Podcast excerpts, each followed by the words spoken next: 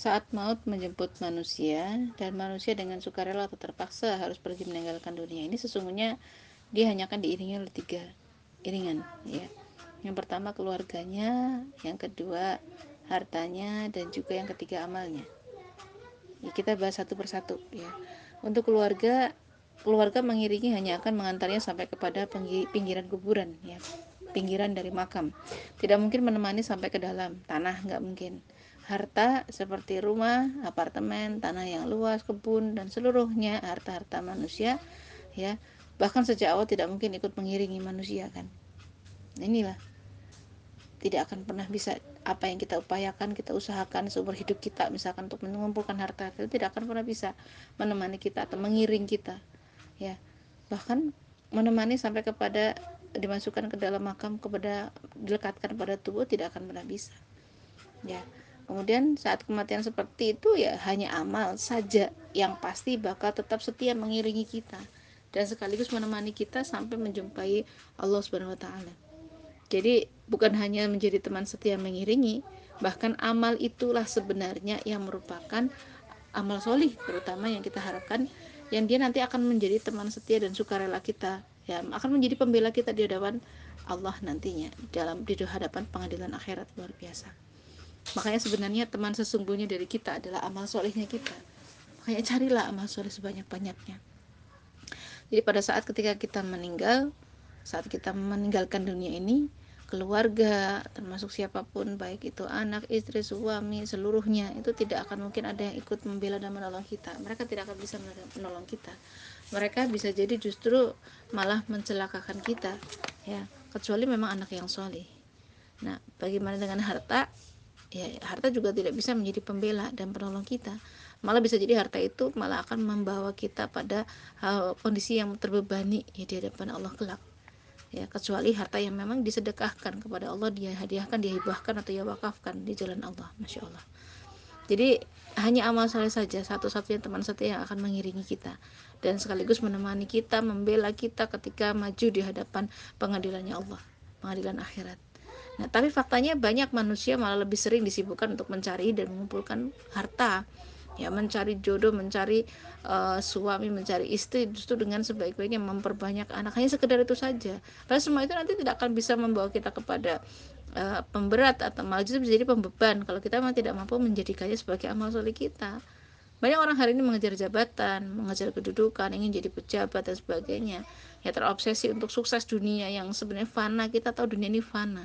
Tidak akan ada artinya di hadapan Allah nanti. Zong semuanya nanti tidak akan ada nilainya. Tapi justru hari ini banyak orang yang justru meraih dan melihat kemuliaan hanya pada dari sisi dunia saja.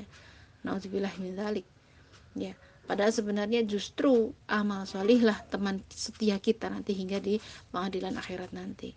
Dulu Rasulullah pernah bersabda Ya Tuhanku pernah menawariku untuk mengubah bukit-bukit di Mekah menjadi emas. Namun aku menadahkan tangan kepadanya seraya berkata, Ya Allah, aku lebih suka sehari kenyang dan sehari lapar agar aku bisa mengingatmu saat lapar serta memujimu dan bersyukur ketika aku ya, kepadamu ketika aku kenyang. Masya Allah, hadis riwayat Tirmizi. Dan suatu ketika, suatu ketika Umar bin Khattab radhiyallahu an pernah bertamu ke rumahnya Rasulullah SAW. Saat itu dia dipersilahkan masuk ke rumahnya Rasul. Ia mendapati beliau bangkit dari pembaringan. Beliau berbaring bukan di atas kasur yang empuk seperti kita dengan spring bed atau mungkin dengan kasur berlapis-lapis ya, yang sangat empuk dan seterusnya. Tapi beliau Rasulullah hanya ada di atas sehelai tikar yang terbuat dari pelepah kurma. Masya Allah. Saat beliau bangkit, tampak di tubuh beliau bekas-bekas pelepah kurma itu.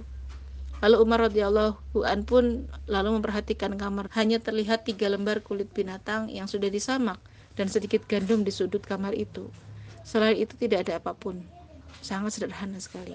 Umar pun menangis melihat keadaan itu.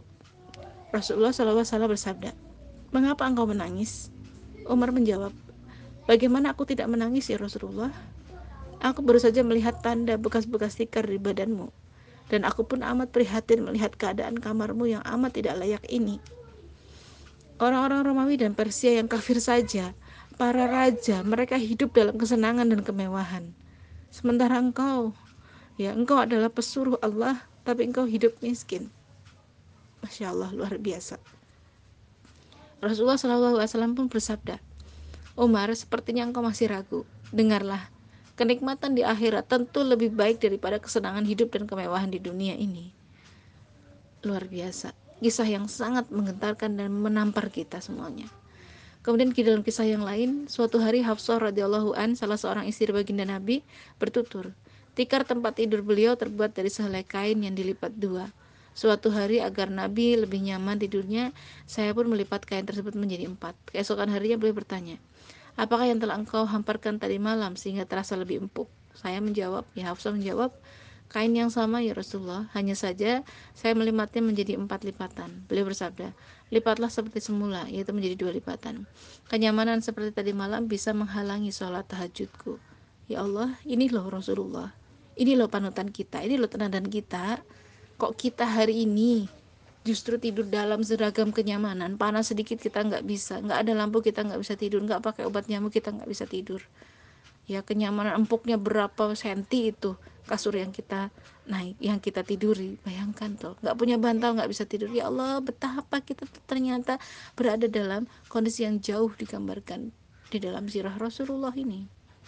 Berat mustahil mungkin bagi kita hari ini untuk mengikuti jejak bagaimana kesuhudannya Rasulullah di atas bahkan mendengar kisah ini pun mungkin tidak akan mampu membuat perasaan kita tersentuh. Mungkin ada orang yang biasa-biasa saja. Lah itu kan dulu miskin nggak punya. Mungkin ada orang yang berkata seperti itu. Tapi bayangkan toh kalau kita punya iman kita pasti akan tersentuh. Kita terenyuh ya. Mungkin kita akan menangis seperti Umar radhiyallahu an ketika kita berhadapan dengan kondisi yang sama dengan Rasulullah tadi. Boleh jadi itu bisa jadi karena jauhnya ya rentang jarak waktu kita dengan Rasulullah sehingga kita tidak memiliki rasa terenyuh sedih dan sebagainya tapi boleh jadi juga karena saat ini kita eh, jauh sekali rentang jarak keimanan kita dengan Rasulullah SAW sehingga apa yang dilakukan Rasul itu seolah-olah tidak memberikan sebuah tamparan kepada kita tidak memberikan contoh kepada kita.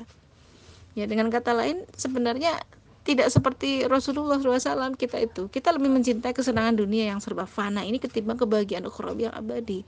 Wajar jika kita hidup saat ini pun tidak sebagaimana Rasul hidup ya. Rasulullah lebih banyak menghabiskan waktunya untuk bekal kehidupan akhirat ya. Memperbanyak amal soleh memperbanyak ibadah memperbanyak saum sunnahnya. Tidak pernah putus itu menaikkan sholat malam banyak bersedekah berinfak dan sebagainya.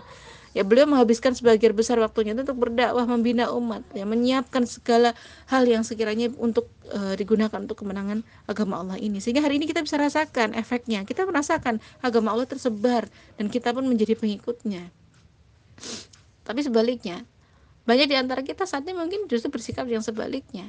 Kita lebih banyak menghabiskan waktu untuk cari kehidupan dunia, bekal kehidupan dunia, ya. Sedikit amal solehnya, ya. Sedikit melakukan amal ibadah, sedikit menjalankan saum sunnah, berat rasanya kalau mau saum sunnah itu. Kehidupan dunia lebih nikmat, makanannya enak-enak sekarang, nauzubillah min ya kita mungkin jarang sedikit menunaikan sholat malam sedikit bersedekah infak jalan Allahnya. Tapi bagian sebagian besar waktu kita mungkin hanya dihabiskan untuk urusan dunia. Kerja cari duit kemudian cari kesenangan hiburan ya. Ibadah sedikit eh, apa waktu hiburannya panjang. Betah itu nonton TV berlama-lama. Sementara kita sholat aja paling cuma berapa menit saja. Nah Alhamdulillah coba bayangkan. Kalau kita memang mau memahami dunia ini fana. Dunia ini fana. Akhirat itu kekal dan kita pun harus sadar dunia ini tempat singgah sementara saja. Sementara yang abadi itu nantinya di akhirat. Tapi kenapa kok kita mati-matian untuk kehidupan yang sementara ini untuk sesuatu yang fana ini tadi ya seharusnya manusia saat ini ketika memang kita banyak melakukan kekhilafan kesalahan ya justru seharusnya kehidupan dunia inilah yang harus kita tinggalkan. Jangan sampai kehidupan dunia justru menyibukkan kita. Bahkan menghabiskan waktu kita yang sebagian besar itu malah untuk bekal dunia saja. Sementara untuk bekal akhirat mungkin yang secukupnya saja. Ya Allah gitu. Nanti ketika ajal tiba kira-kira apakah urusan dunia ini tadi akan ikut bersama kita akan mengiring kita? Kan tidak. Yang mengiringi kita hanya amal soleh kita saja nah inilah kita kadang tertipu dengan kehidupan dunia. Makanya dunia ini adalah tempat manusia bagi orang beriman. Itu adalah penjara. Dunia itu hanya tipuan. Jangan sampai kita mungkin tertipu dengan kehidupan dunia. Ayo senantiasa kita sadar. Teman setia kita tuh bukan teman-teman atau sahabat atau teman main kita. Bukan. Teman setia kita adalah amal solih kita. Jangan pedulikan ketika teman-teman itu menjauhimu karena dirimu sudah berhijrah jangan sampai kita e, merasa baper sedih hanya karena orang-orang meninggalkan kita. Karena mungkin dalam menegakkan kebenaran kita banyak yang di, tidak di, menyukai kita. Itu adalah bagian atau konsekuensi dari keimanan. Teruslah beramal soleh. Teruslah senantiasa mengumpulkan bekal akhirat kita. Ya secukupnya saja untuk kehidupan dunia supaya kita bisa senantiasa menegakkan ibadah ketika kita mau mengumpulkan persiapan untuk akhirat kita. Semoga kita senantiasa bisa mengejar dan berlomba-lomba dalam kebaikan. Wastabiqul khairat. Assalamualaikum warahmatullahi wabarakatuh.